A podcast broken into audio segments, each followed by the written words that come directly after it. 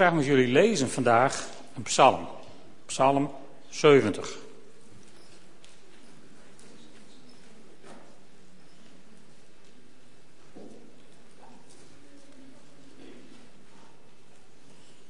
Psalm 70. We hebben een, eh, een heel seizoen besteed aan het thema groter groeien. En als het goed is, dan zou je nu inmiddels groot gegroeid moeten zijn. Maar dat hele proces, dat kent een hele hoop stappen. En Psalm 70 geeft daar een heel leuk beeld van. Psalm 70, een psalm van Asaf. Ja, God is goed voor Israël, voor wie zuiver zijn van hart. Toch had ik bijna een misstap begaan. Is dat niet Psalm 70? Hm? Wat grappig.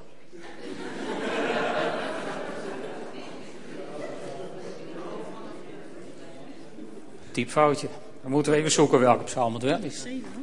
Hm? Psalm 73. Oké. Goed dat er mensen opletten. Goed, Psalm 73 dus. God is goed voor Israël, voor wie zuiver zijn van hart. Toch had ik bijna een misstap begaan. Bijna waren mijn voeten uitgegleden. Want ik keek met afgunst naar de dwazen, benijde het geluk van wie kwaad doen. Tot hun dood blijven zij voor ziekte gespaard, hun buik is goed gevuld, aardse kwellingen kennen ze niet, het lijden van anderen gaat aan hen voorbij. En daarom is hoogmoed hun halssieraad en bedekt geweld hen als een mantel. Hun ogen puilen uit het vet, van eigen waan zwelt hun hart. Ze spotten, spreken kwaad en dreigen vanaf hun hoge zetels. Ze zetten hun mond op tot aan de hemel en hun tong roert zich overal op aarde. Daarom lopen de mensen achter hen aan, drinken hun woorden in als water en zeggen: Hoe zou God iets weten? Heeft de Allerhoogste een antwoord? Zo zijn de goddelozen ten voeten uit. Ze verrijken zich onverstoorbaar. Ja, vergeefs hield ik mijn geweten zuiver en waste ik mijn handen in onschuld. Want ik werd gestraft, dag aan dag, en geslagen elke morgen weer. Maar zou ik spreken als zij, ik pleegde verraad aan Gods kinderen? Dus bleef ik nadenken. Ik wilde weten waarom het was, een vraag die mij kwelde. Tot ik Gods heiligdom binnenging en mij hun einde voor ogen bracht. Ja, u zet hen op een glibberig pad en stort hen in een diepe afgrond. In een oogwenk is het met hen gedaan. Hun ondergang, hun einde is een verschrikking. Ze zijn als een nachtmerrie na het ontwaken, Heer. Bij het opstaan verjaagt u ze als beelden uit een droom. Zolang ik verbitterd was, gekwetst van binnen, dom en dwaas, was ik bij u als een redeloos dier. Maar nu weet ik mij altijd bij u. En u houdt mij aan de hand en leidt mij volgens uw plan. Dan neemt u mij weg met eer bekleed. Wie buiten u heb ik in de hemel? Naast u wens ik geen ander op aarde. Al bezwijkt mijn hart en vergaat mijn lichaam, de rots van mijn bestaan, al wat ik heb, is God nu en altijd. Wie ver van u blijven, komen om. Wie u ontrouw zijn, verdelgt u. Bij God te zijn is mijn enige verlangen. Mijn toevlucht vind ik bij God de Heer. Van al uw daden zal ik verhalen. Het is een hele interessante psalm als je één ding zou gaan doen. Als je de woorden ik en mij een kleurtje zou geven. En je zou de woorden hun en zij een ander kleurtje geven. Dan zie je dat deze psalm in twee stukken uit elkaar valt. Een stuk wat over mij gaat en een stuk wat over de grote boze buitenwereld, over hen gaat. En, en de psalmist die zegt daar een aantal dingen over en daar wil ik vanmorgen met jullie naar kijken. Om te beginnen noemt de psalmist dit een misstap. Hij zegt bijna had ik een misstap begaan. Het denken in, in, in, in wij en zij is een misstap. En de psalmist is er duidelijk over. Bijna, zegt hij, waren mijn voeten uitgegleden. En, en wat was dan die misstap? Die misstap, zonde. eng om iets met één zonde te noemen. Sommige mensen denken, oh, maar als je dan, als iemand een vergissing heeft gemaakt, het ook nog zonde noemt, dan ben je aan het beschuldigen. Ik heb van een week iets heel interessants geleerd, van als God iets zonde noemt, dan is dat niet om, om je te beschuldigen, om, om je met de vinger eens even te prikken. Als God iets zonde noemt, dan is dat genade. Want als God iets zonde noemt, dan zegt hij erbij: oh, luister er zijn een hele hoop problemen in de wereld waar jij mee moet dealen. Maar met de zonde heb ik gedeeld. Aan het kruis. Voor de zonde heb ik je een oplossing gegeven. Dus als God jou misschien ergens op wijst in je leven en, en heel liefelijk zegt: joh, dat is zonde in jouw leven. Dan zegt hij daarbij: en voor die zonde heb ik een oplossing gegeven. Ik heb het voor je geregeld. Als je het bij mij wilt laten. Als je mij het wilt geven. Dus als je dit zonde noemt, dan, dan is dat niet om je aan te klagen.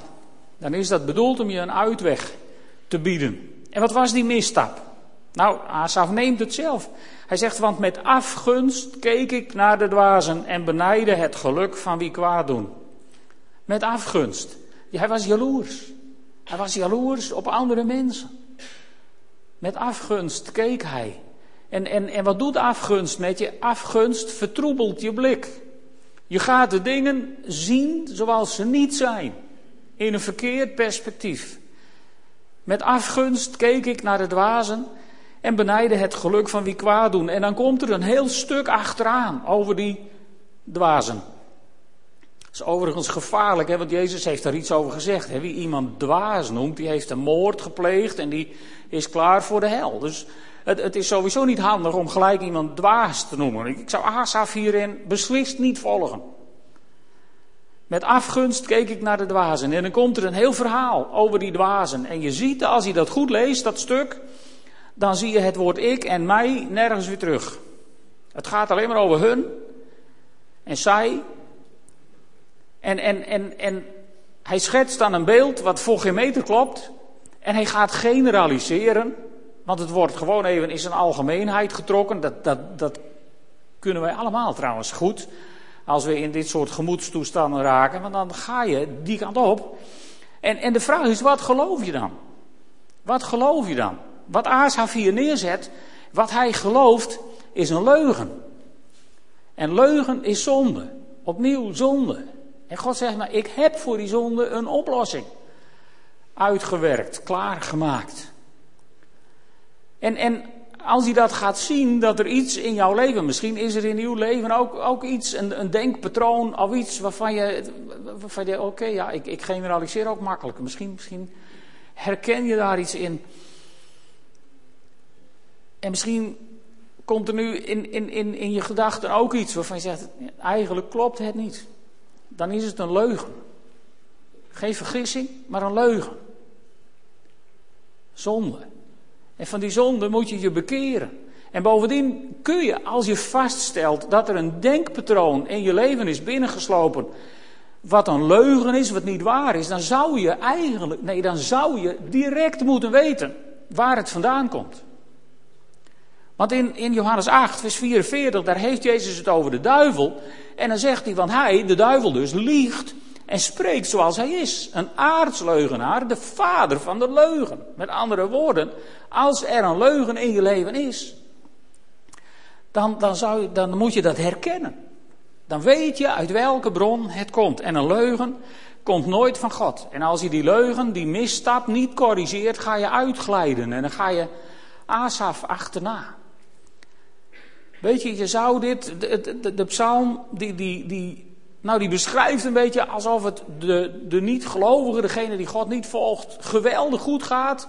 En, en ik, arme christen, ik, ik, nou ja, ik loop hier maar gebukt onder de wet enzovoort, enzovoort. Je zou het moeten herkennen. Het is zo oud. Als je dit leest, dan, dan, dan, dan, moet je, dan zie je hem als ware, ik zou je zeggen, zie je hem hangen in die boom. Jullie, jullie mogen zeker niks. Sis, sis. Jullie mogen zeker niks als christen. Kijk eens, naar die, kijk eens naar die mensen die niet naar de kerk hoeven. Die slapen lekker uit vanmorgen. Die liggen nu nog heerlijk op hun bed. En, en, en, en, en gisteren hebben die de nacht van hun leven gehad. En die, Die hebben alles gedaan wat God verboden heeft, maar heet het niet, want zij mogen alles. Zie je hem hangen in die boom tegen Eva? God heeft je zeker alles verboden. Je moet het herkennen in je leven, dit soort denkpatronen. En ze zijn er ook onder ons, ook wij hebben daar af en toe last van. Want de Satan sist rustig verder sinds hij daar in die boom hing in Genesis 3. Kruipt hij nog steeds door de wereld zoekende wie hij kan verleiden. En als je die misstappen niet corrigeert, ga je uitglijden. Bovendien, als je dit stuk leest, dan zit er iets, iets, een diepere zonde onder. Want het is een stuk vol oordeel. Asaf heeft het over, over dwazen. En, en hij, hij heeft het erover dat, dat ze zich niet interesseren voor het lijden. En hij heeft het erover dat ze hoogmoedig zijn en dat er geweld is en eigenwaan. En ze spotten en ze spreken kwaad. En het is één en al veroordeling wat erin zit in zijn foute denkpatroon. Wat hij zelf overigens in deze psalm een misstap noemt. Laten we dat goed voor ogen houden. Weet je, want ook over dat oordeel, wij, wij oordelen soms zo gemakkelijk. Als iemand iets, iets doet wat ons niet aanstaat, dan zoeken we daar meteen boze opzet achter of zo. Of, of we, we hebben zo gauw een oordeel klaar over andere mensen. Maar ook over oordelen zei Jezus iets heel naars. In Matthäus 7, vers 1 en 2, daar zei Jezus: Oordeel niet, opdat je niet geoordeeld wordt. Want op grond van het oordeel dat jij velt, zal er over jou geoordeeld worden. En met de maat waarmee jij meet, zal jou de maat genomen worden. Met andere woorden, de grootheid van Gods genade ligt voor een deel in onze handen. Hoe groot is onze genade voor iemand anders? Het is gemakkelijk om te oordelen. Er zal de afgelopen dagen ook wel veel geoordeeld zijn over dat vrouwtje daar in Nijbeets. Maar als je er dan over nadenkt hoe een moeder ertoe komt om vier keer een kindje om het leven te brengen en zo weg te moffelen, dan denk je, wat moet er in dat arme mens zijn binnengekomen? Dat je zo geworden bent.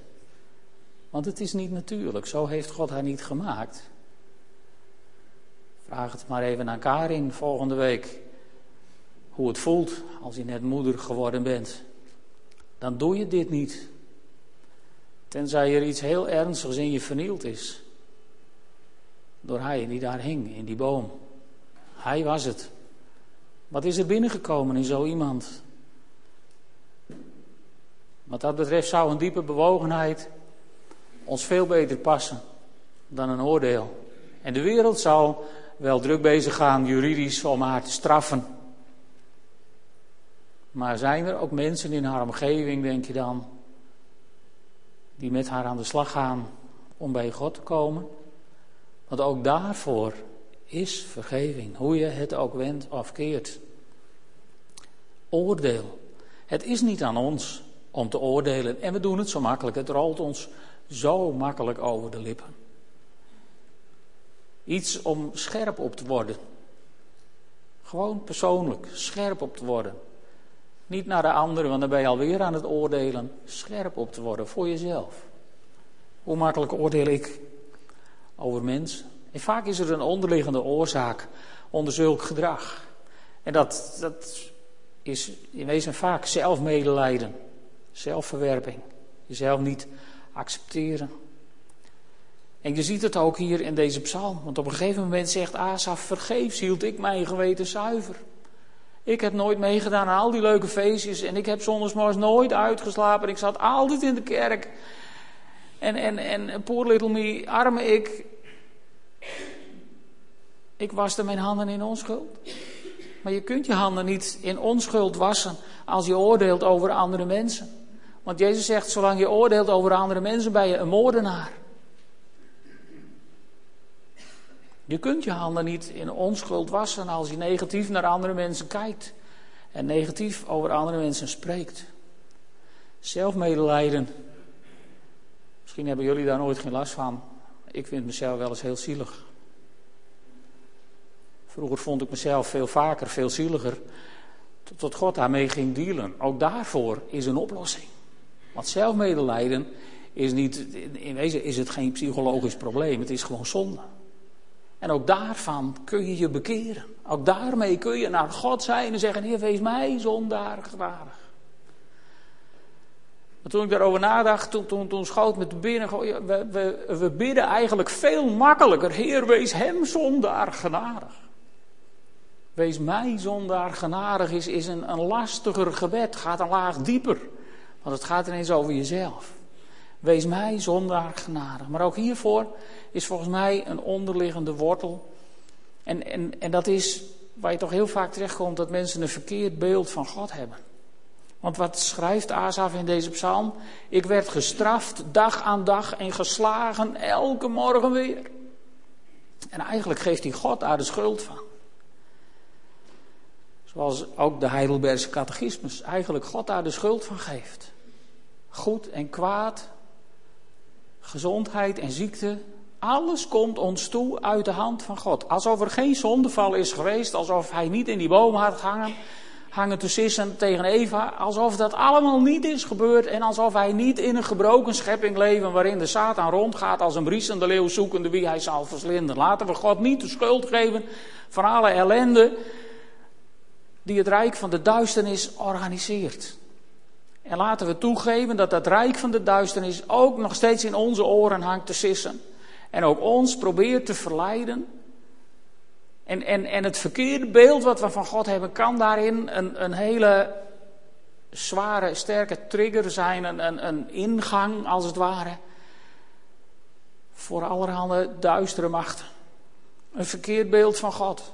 En daar kun je honderd oorzaken voor bedenken. Het kan aan je vader liggen, het kan aan je moeder liggen, het kan aan Noem maar op aan wie het ligt, maar het gaat niet erom aan wie het ligt. Het gaat er niet om om de schuld weg te schuiven naar iemand anders. Ook dat is een gevolg van de zondeval. Hè? Want toen, toen, God riep, Adam, waar ben je? En wat heb je gedaan? Wat zei God toen? Wat zei Adam toen?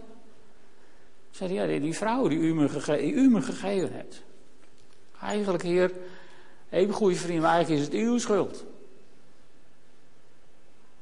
Slim zijn we hè, als mensen. Eigenlijk is het uw schuld. En toen God dat 4000 jaar gehoord had, zei hij: Nu is het genoeg, oké, dan zal ik de schuld wel nemen. En toen stuurde hij zijn zoon naar deze wereld. En die nam al die schuld op zich, volkomen onterecht, onverdiend. En hij ging aan het kruis en hij nam al onze zonden en al onze schuld en al onze ziekte en al onze ellende, nam die mee aan het kruis. En hij loste het op. Is dat niet goed? Dat is de God, dat is het beeld van God wat we voor ogen moeten, moeten hebben. En elk ander beeld van God is een leugen uit het rijk van de duisternis, waar je niet naar moet luisteren. God straft je niet. God slaat je niet. God is niet uit op, op het slechte in jouw leven. Het enige wat God voor jou voor ogen heeft is het goede, het welgevallige, het volkomene en jouw eeuwigheid bij Hem in heerlijkheid. Dat is wat God voor ogen heeft voor jou. Niks anders. Helemaal niks anders. Want er is geen veroordeling voor wie in Christus Jezus is. Toch? Die tekst ken je toch wel? Hier, hè? Hier. Is het je gelukt om hem hier door die wegversmalling te krijgen en hem hier ook te brengen? Er is geen veroordeling voor wie in Christus Jezus is. Weet je hart dat er voor jou geen veroordeling is? Ben je daar echt van overtuigd? Echt van overtuigd? Er is geen veroordeling voor wie in Christus Jezus is. Want God had deze wereld zo lief dat hij zijn enige geboren zoon stuurde, omdat hij niet wilde dat er ook maar iemand verloren ging. Lieve mensen, dat is het beeld van God wat we voor ogen mogen houden. En niet die grote, strenge gerechtigheid daarboven in de hemel. Die ik me nog herinner van vroeger. Ik herinner me nog als jongetje dat ik soms uit de kerk, waar wij hadden in, in de kerk waar, waar ik vroeger met mijn ouders naartoe ging, hebben wij een tijd een hele zware dominee gehad. En, en ik herinner me dat ik als jongetje van een jaar of acht naar huis ging, heel vaak na de dienst. En, en, en dat ik bij mezelf dacht: van dit heeft helemaal geen zin. Want je bent toch verloren. Je kunt toch niet aan de maat voldoen. Waarom zou je in Gods naam geloven? Dat heb ik me jaren afgevraagd als kind. Wat heeft het voor zin? Al deze ellende, al dit strenge gedoe. Op zondag niet mogen zwemmen, op zondag niet mogen schaatsen en op zondag niet mogen fietsen en nog naar de hel. Wat heb je eraan? Maar dat is niet het beeld van onze Vader in de hemel. Het beeld wat onze Vader in de hemel, wat je, wat je voor ogen moet hebben, is een liefhebbende Vader die, die, die zoveel van jou houdt, dat hij het, het liefste wat hij had, gaf om jou niet te verliezen, maar om je terug te winnen voor zichzelf, om jou aan zijn hart te krijgen, gaf hij het liefste wat hij had. Die, dat is het beeld wat je van God mag hebben. En als er ook maar enig ander beeld van God is in je leven, bekeer je daar van. Neem daar verantwoordelijkheid voor. En zeg, zeg tegen God: Vader, ik heb me vergist in u. Het spijt me dat ik zo'n raar beeld van u had. Wilt u me vergeven? En gaan er dingen in je leven gebeuren die je nooit voor mogelijk hebt gehouden. Dan gaat de heerlijkheid van de hemel voor je open. Dat is de God die het evangelie ons verkondigt. Maar ja, dan moet je wel wat overwinnen in jezelf. En wat staat ons dan in de weg? Ten diepste, hoogmoed. Nog steeds gelijk willen zijn aan God eigenlijk. Waar Eva al op sneuvelde met Adam, daar sneuvelen we nog steeds. Asaf zegt, als ik zou spreken als zij, ik pleegde verraad aan Gods kinderen. Bijna een beetje van, ja, ja nou, de kerk kan niet zonder mij, niet mis. Het is zo hoogmoedig. En je gelooft nog steeds in de leugen. Je wandelt nog steeds in de leugen en vanuit die hoogmoed meen je dat je God ter verantwoording kunt roepen. Ook ik ben die weg gegaan. Ik heb hem uitgeprobeerd. En ik kan met 100% Asaf nazeggen, het is één grote zelfkwelling. Wat zegt Asaf hier? Dus bleef ik nadenken. Ik wilde weten waarom. Je kunt niet helemaal terug misschien, maar je zou eens moeten turven hoe vaak je tegen God hebt gezegd waarom. Dan daag ik je uit om ook eens te turven hoe vaak je antwoord hebt gehad van God. Kan op een heel klein briefje, achterkant van een postzegel is groot staat. Maar volgens mij heb je nog nooit antwoord van God gehad op de vraag waarom. Het is een zelfkwelling. Asaf was daar ook al achter. Ik wilde weten waarom en het was een vraag die mij kwelde. Het was, maar je moet goed opletten wat er staat. Het was een vraag die mij kwelde. Dit ben je niet zelf. Als je hier iets van herkent in je leven, als er iets in je boven komt waarvan je denkt, ja, maar zo ben ik af en toe ook. Heer, waarom? Of Heer dit, of ik ben boos op God, of ik heb een verkeerd beeld van God. Dat ben je niet zelf. Als je dat gaat proberen te veranderen, dan, dan, ja, dan, ga jij het proberen op te lossen. En dan wil je weer voor God spelen. Jongen, jongen, wat is het triggy? Want dan wil je weer zelf. En dan ga je aan de gang met jezelf. Word veranderd door de vernieuwing van uw denken. Oh ja, ik moet hard aan het werk om mijn denken te vernieuwen. Nee, er staat word veranderd door de vernieuwing van uw denken. Met andere woorden, ga nou eens rustig even zitten. En zeg eens even, heer nou doet u het maar, want ik weet het niet meer. En dan word je veranderd door de vernieuwing van je denken. Het is zo relaxed om een kind van God te zijn. Want Hij wil het in je doen. Hij wil het voor je doen. Dus, dus als dit soort dingen, als je hier iets van herkent, dan wil ik je dit zeggen: dit ben je niet zelf. Paulus die schrijft het aan de Efezes: wij hebben niet te worstelen tegen bloed en vlees. En dan denken wij vaak aan andere mensen. Maar we zijn zelf ook bloed en vlees, of niet?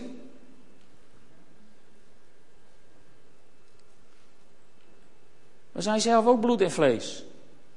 We hebben niet te worstelen tegen bloed en vlees. Ook niet tegen mijn eigen bloed en vlees. Waar wij tegen te strijden hebben zijn de overheden, de machten en de wereldbeheersers van deze duisternis, de boze geesten in de hemelse gewesten. En die hemelse gewesten zijn dichter bij je dan je denkt.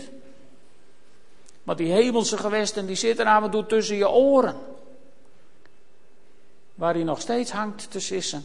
En nog steeds leugens in je denken probeert binnen te brengen. En dat ben je niet zelf. Gelukkig ben je het niet zelf. Dus hoef je het ook niet zelf op te lossen. Nee, dit is een geestelijk verhaal.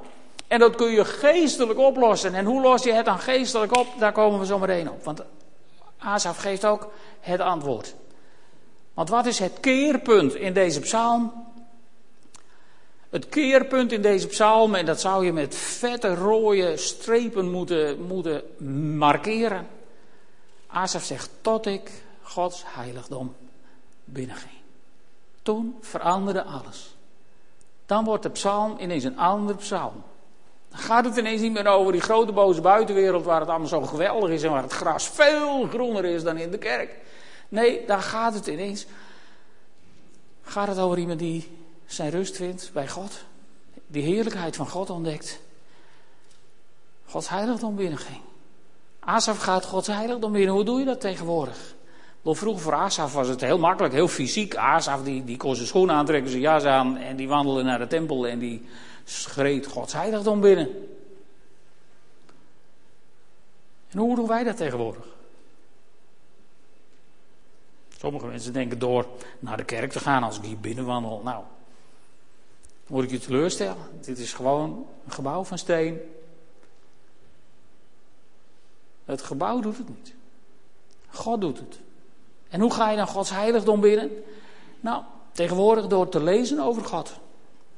Het wordt misschien bijna langdradig, maar door te lezen over God. Ik weet niet wie hem bij zich heeft. En als je hem niet bij je hebt, moet je je bekeren. En zorgen dat dit een vast onderdeel van je bagage wordt. Lezen over God. Andere item is praten met God. Praten met God. Praten met God. En, en, en onze gebedshoudingen die zijn wat dat betreft redelijk vertekend, zo langzamerhand door de tradities. Want als we praten met God, dan krimpen we in elkaar, leggen we onze neus op de grond misschien, doen we onze handjes samen. En wat zegt de Bijbel? Over mannen die bidden tot God. Hoe moeten die bidden tot God? Met opgeheven handen. En een opgeheven hoofd. Want waar verwacht je je redding van? Lieve mensen, waar verwacht je je redding van? Daar vandaan? Of daar vandaan? Waar wil je heen als je hulp nodig hebt van God? Hef je hoofd omhoog, want de koning komt, zingen we. En ondertussen leggen we ons hoofd bijna tussen de knieën, want hij zou eens komen. Daar verwachten we toch het heil vandaan, of niet? Praten met God. Je heiligen voor God, je apart zetten voor God. Beslissingen nemen in je leven om van sommige dingen afstand te nemen en ze gewoon niet meer te gaan doen. En dan beleven, daar hebben we het vorige week over gehad, dat je geheiligd wordt door God. Geheiligd wordt door God. Ik ben de afgelopen week zo bepaald bij, bij, bij die woorden van God. Als Jezus zich laat dopen, maar ook als Jezus verheerlijkt wordt op de berg, zijn een aantal keren in de Bijbel, als het over Jezus gaat, dan, dan, dan zegt God: Dit is mijn geliefde zoon, in wie ik een welbehagen heb. En weet je, door, door de dood van Jezus en door de opstanding van Jezus zijn wij door de doop met Hem gestorven en begraven en weer opgestaan. En zijn wij broeders van Jezus Christus geworden. En als God naar je kijkt, dan stoot hij misschien Jezus wel even aan op de troon of een engel. Dan zegt hij, moet je kijken. Moet je kijken, daar is mijn geliefde zoon in wie ik een welbehagen heb.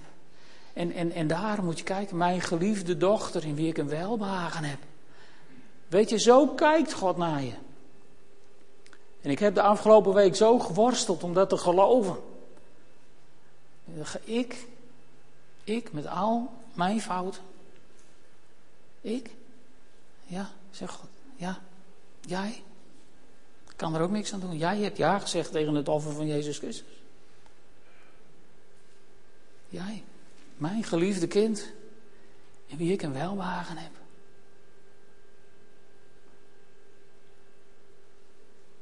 Misschien moet je dat op het plafond schilderen boven je bed. Als je s morgens wakker wordt, dat dat er staat. Dit is mijn geliefde kind in wie ik een welbehagen heb. Wat een begin van de dag zou je hebben. Ik fantaseer te veel. Wij worden geheiligd door God. Wat Hij wijst jou aan. En hij zegt, joh, jou moet ik hebben. Jij bent mijn geliefde kind. Hoe je vanmorgen de morgen de dag ook bent begonnen. Hoe je hier ook naartoe bent gekomen. Hoeveel stress er misschien ook was in je gezin, of met je partner, of met je kinderen, of whatever. Hoe je hier ook bent gekomen, het maakt God niet uit. Want God ziet je zitten.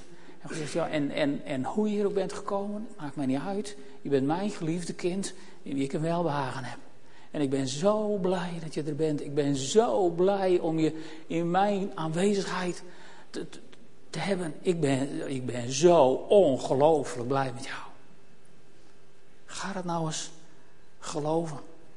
Weet je, en daarin is één blokkade die er dan toch nog telkens weer is. En dat is nog dat je op hen gericht bent. Want als je dat leest van Asaf, dan staat daar nog tot ik uw heiligdom binnenging en mij hun einde voor ogen bracht.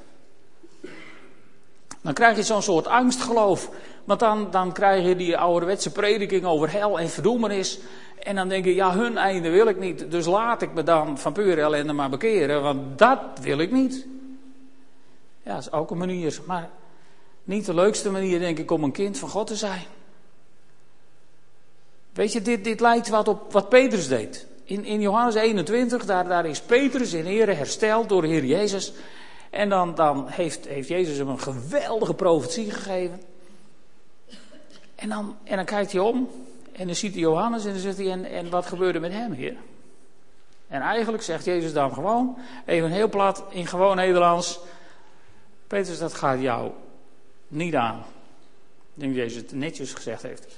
Petrus, dat gaat jou niet aan. Volg jij mij. En toen wist Petrus wat hij te doen had. Het ging hem niet over hun. Het ging hem niet over die grote boze buitenwereld. Het ging niet over de andere discipelen. Het ging niet over hun. Jezus zei tegen Petrus: Lieve Petrus, moet je goed luisteren. Het gaat over jou. Volg jij mij. En laat de rest even naar mij over. Soms denk ik wel eens, als we zo allemaal in het leven zouden staan, wat zou het ongelooflijk ongecompliceerd zijn. Dacht je ook niet?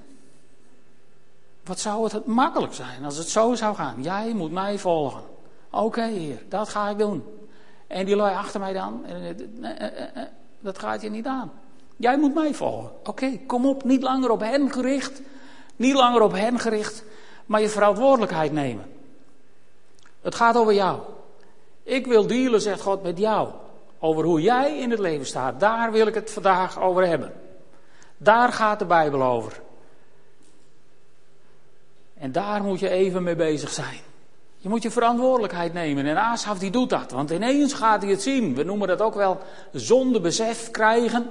Maar dit, dit klinkt wat vriendelijker, denk ik. Verantwoordelijkheid nemen voor je houding, voor je daden voor je levensstijl. Verantwoordelijkheid nemen. En dan zegt Asaf, zolang ik verbitterd was, gekwetst van binnen, was ik dom en dwaas. En was ik bij u als een redeloos dier. Hij vergoedt het niet, hij vergoelijkt het niet langer. Hij praat er niet langer omheen.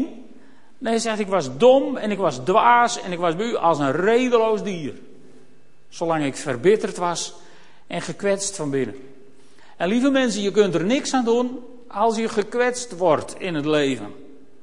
Als je de illusie had dat je nooit gekwetst gaat worden in het leven, dan wordt het tijd dat je wakker wordt. Want iedereen zal gekwetst worden in het leven. Dat, is, niet, daar is, is geen ontkomen. Dat zal je allemaal gebeuren. Iedereen wordt gekwetst in het leven. Daar ben je niet verantwoordelijk voor. Waar je verantwoordelijk voor blijft, bent en blijft, is dat je verbitterd wordt in het leven. Ja, maar je moet dus weten wat hij mij aangedaan heeft. En dan zegt volg jij mij. Ja, maar, volg jij mij. Weet je, stel je voor dat, dat als je bij Jezus zou komen en zeggen van, nou heer, ik, ik heb mijn dag niet, wilt u me alsjeblieft helpen? En Jezus zou alleen maar zeggen, je moest dus weten wat mij aangedaan is. Jezus is daar niet blijven hangen hoor. Want terwijl het hem werd aangedaan, bad hij al: Vader, vergeef het hun, want ze weten niet wat ze doen. Dat is het voorbeeld wat we hebben na te volgen. Jezus had het er niet over wat hem was aangedaan. En als er nou één gekwetst is in de geschiedenis van de mensheid, dan was het hij wel aan het kruis op Golgotha, of niet? Uitgespuugd door zijn eigen mensen. Naakt aan een kruis gespijkerd, te schande gehangen voor volk en vaderland. En toen ook nog de gek aangestoken door de mensen voor wie hij het allemaal deed. Hoezo gekwetst? Natuurlijk word je gekwetst in het leven, maar het is jouw verantwoordelijkheid dat je niet gekwetst blijft. Paulus schrijft dat over de, wie dan ook maar, in de brief aan de Hebreeën. 12 vers 15, zorg ervoor dat niemand zich de genade van God laat ontgaan, dat er geen giftige kiem opschiet die onrust veroorzaakt en met zijn bitterheid velen besmet. Dat is jouw verantwoordelijkheid. Als je gekwetst wordt, dan is er maar één weg en dat is vergeven. Die ander vergeven. En weet je, dat is zo'n sleutelwoord in het koninkrijk van God. Vergeven. Ja, maar je moest het weten. Eh, eh, vergeven. Vergeven. Of het onze vader uit je Bijbel scheuren en ver weggooien, dat is een ander alternatief, maar ik weet niet of dat helpt. Want wat bid je in het onze vader? Wat heeft Jezus ons geleerd? Even, even een beetje gestript van wat overtollige woorden. Zeg je van, vergeef ons zoals ik vergeef. Dat is wat je bidt. Vader, vergeef ons onze schulden, gelijk wij vergeven die ons iets schuldig zijn. Ja toch? Die kijken me allemaal aan alsof ik vreemde woorden spreek, maar dit, dit hoor je uit je hoofd kennen. Vergeef ons onze schulden zoals wij vergeven. Vergeef mij zoals ik vergeef. Dat zeg je toch? Vergeef mij zoals ik vergeef. Nou, ik vergeef het je wel, maar ik wil je nooit weer zien. Stel je voor dat je straks in de hemel komt en dat God tegen je zegt van nou, nou Henk moet je goed luisteren. Je hebt er zelf om gevraagd, ik vergeef je wel, maar ik wil je nooit weer zien. Dan heb je een lastig probleem. Daar hebben wij een codewoord voor, H-E-L. Dat betekent het. Als God je nooit weer wil zien, eindig je in de hel. Dat is de enige plaats om God nooit weer te zien. Vergeef ons gelijk wij vergeven. Oké? Dus vergeven is een kwestie van lijstbehoud, lieve vrienden. Verantwoordelijkheid nemen. Ook verantwoordelijkheid nemen voor nare dingen die andere mensen jou hebben aangedaan. En zeggen, Heer, het is me wel aangedaan, maar ik neem verantwoordelijkheid voor mijn reactie. En ik beleid u mijn boosheid. En ik vergeef mijn broeder of mijn zuster van harte.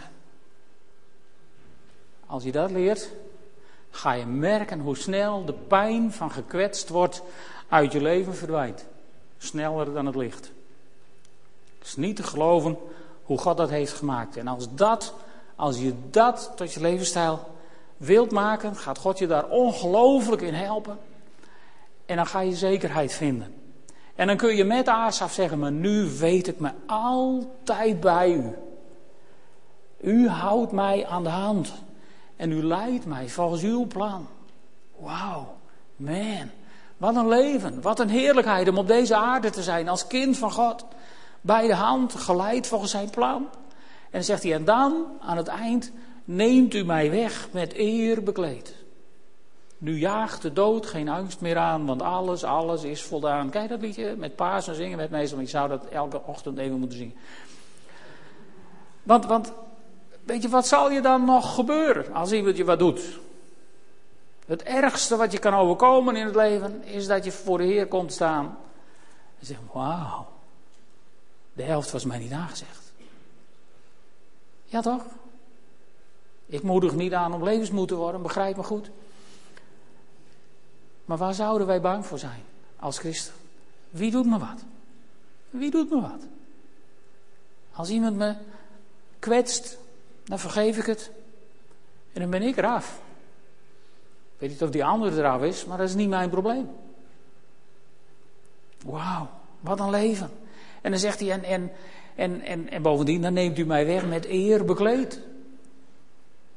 Zo wat is het probleem? Natuurlijk willen we hier allemaal graag nog een poosje blijven. En ik wil ook heel graag dat jullie hier allemaal nog een poosje blijven. Absoluut. We hebben geen haast om hier weg. Maar als het Gods tijd is, met eer bekleed, wauw. En dan zegt hij van wie heb ik buiten u in de hemel? Nou, al had ik alles, maar naast u wens ik geen ander, zegt hij dan op aarde. Al bezwijkt mijn hart, al vergaat mijn lichaam, de rots van mijn bestaan, al wat ik heb is God, nu en altijd. Als je nou toch zo in het leven staat. Ik weet niet of je er een beetje enthousiast van zou kunnen worden, van Psalm 73. Maar als je toch zo in het leven staat. Als je zo in het leven staat, de hele wereld gaat ademloos naar je kijken. En de mensen gaan je massaal, gaan ze je in de gaten houden en denken van wauw, had ik daar, had ik daar ook maar wat van. En dan komen er van die dagen dat ze tegen je zeggen, hoe, hoe heb je dat? Om zo in het leven te staan. Mooi, om zo in het leven te staan. Eindelijk in die zekerheid. Die zekerheid. Ik sta op de rots, vaste rots van mijn behoud. Wat zal er hooguit kunnen gebeuren? Niks. En, en, en, en, en je gaat er naar, naar verlangen om bij God te zijn. En je gaat, je gaat bidden, Heer, geef me meer van uw aanwezigheid. Leer me om dichter bij u te zijn. Heere, trek me dichter aan uw hart. Niet, niet om het leven uit te stappen om al bij God te zijn, dat kan lang genoeg. Maar, maar om hier al. En dan is mijn toevlucht, vind ik bij God de Heer. Ja, mijn toevlucht vind ik bij God de Heer. Dat is het plek waar ik mijn bescherming zoek. Als het eng wordt in het leven, als het gevaarlijk wordt, dan ren ik naar u toe. En dan voel ik mij veilig, veilig in Jezus' armen. Zo mag je in het leven staan. Lieve vrienden, zo moet je zelfs in het leven staan. Want je bent hier nog niet klaar. Je bent groter gegroeid het afgelopen seizoen, hoop ik. En, en je bent, als het goed is, ben je inmiddels groot gegroeid, volwassen geworden. En dan heeft God nog wat voor je te doen. Namelijk getuigen. Asaf die zegt het ook, hè. Van al uw daden zal ik verhalen. Nou, dat is leuk. Hier is dat heel makkelijk. Van al uw daden jullie willen daar allemaal naar luisteren. En, je bent daar vrijwillig voor gekomen. Prima. Van al uw daden wil ik verhalen. Hier gaat dat heel makkelijk. En als je straks aan het koffie drinken bent, gaat het ook nog wel. Maar ik zou vertellen, ik, ik heb een keer een hele enge preek moeten houden. Het was een doopdienst. Een doopdienst is een feest, hè. Maar toen werd er ineens iemand bij mij uit de straat gedoopt. En, en, en ik moet het niet verder vertellen hoor, maar die had, die had het, het moed gehad om alle mensen uit de straat uit te nodigen. Zelfs de mensen die naast mij wonen. Moet je je voorstellen. Dan moet je preken voor de mensen die naast je wonen. Waar je nacht aan nacht van wakker ligt omdat ze elkaar de tent uitslaan. Waar je af en toe zit te schudden in de kamer omdat ze de muziek op 100 decibel hebben. Of luider, ik weet niet eens hoe hard dat is, maar dat zal wel hard zijn, klinkt het.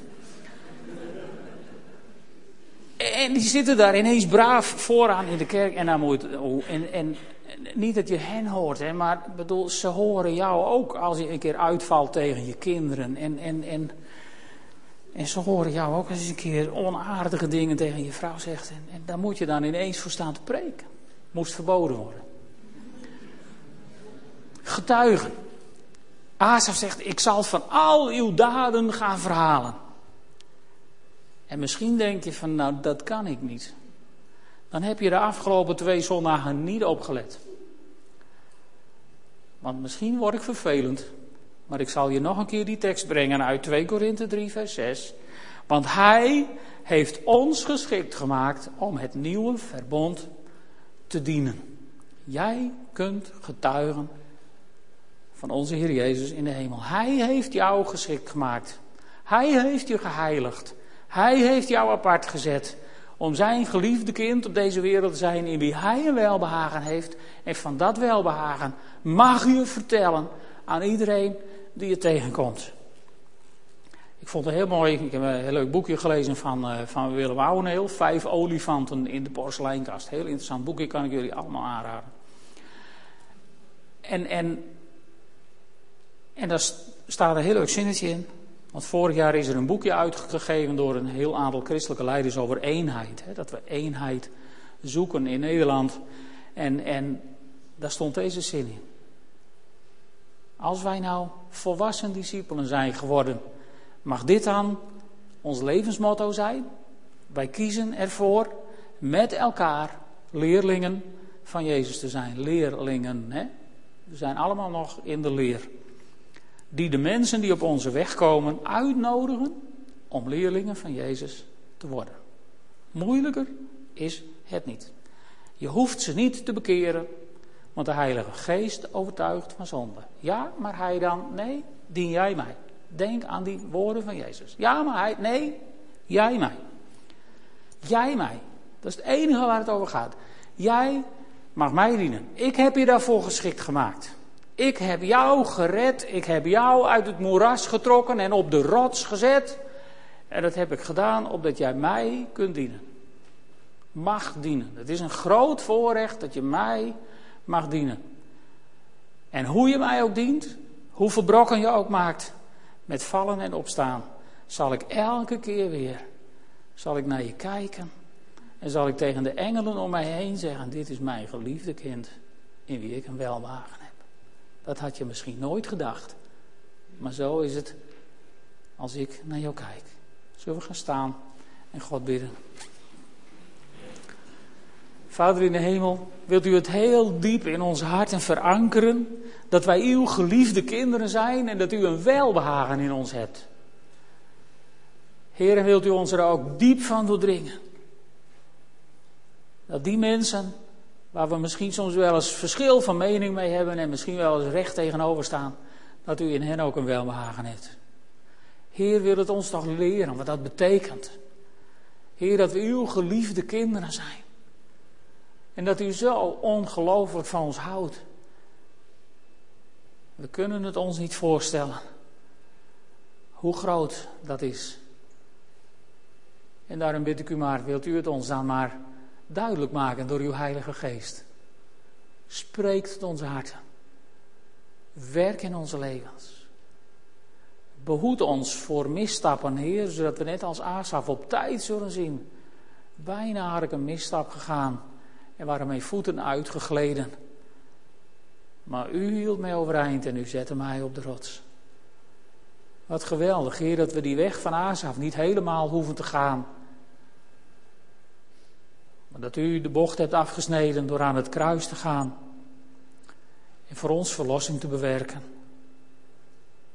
Dank u wel, Heer. Ik prijs uw naam.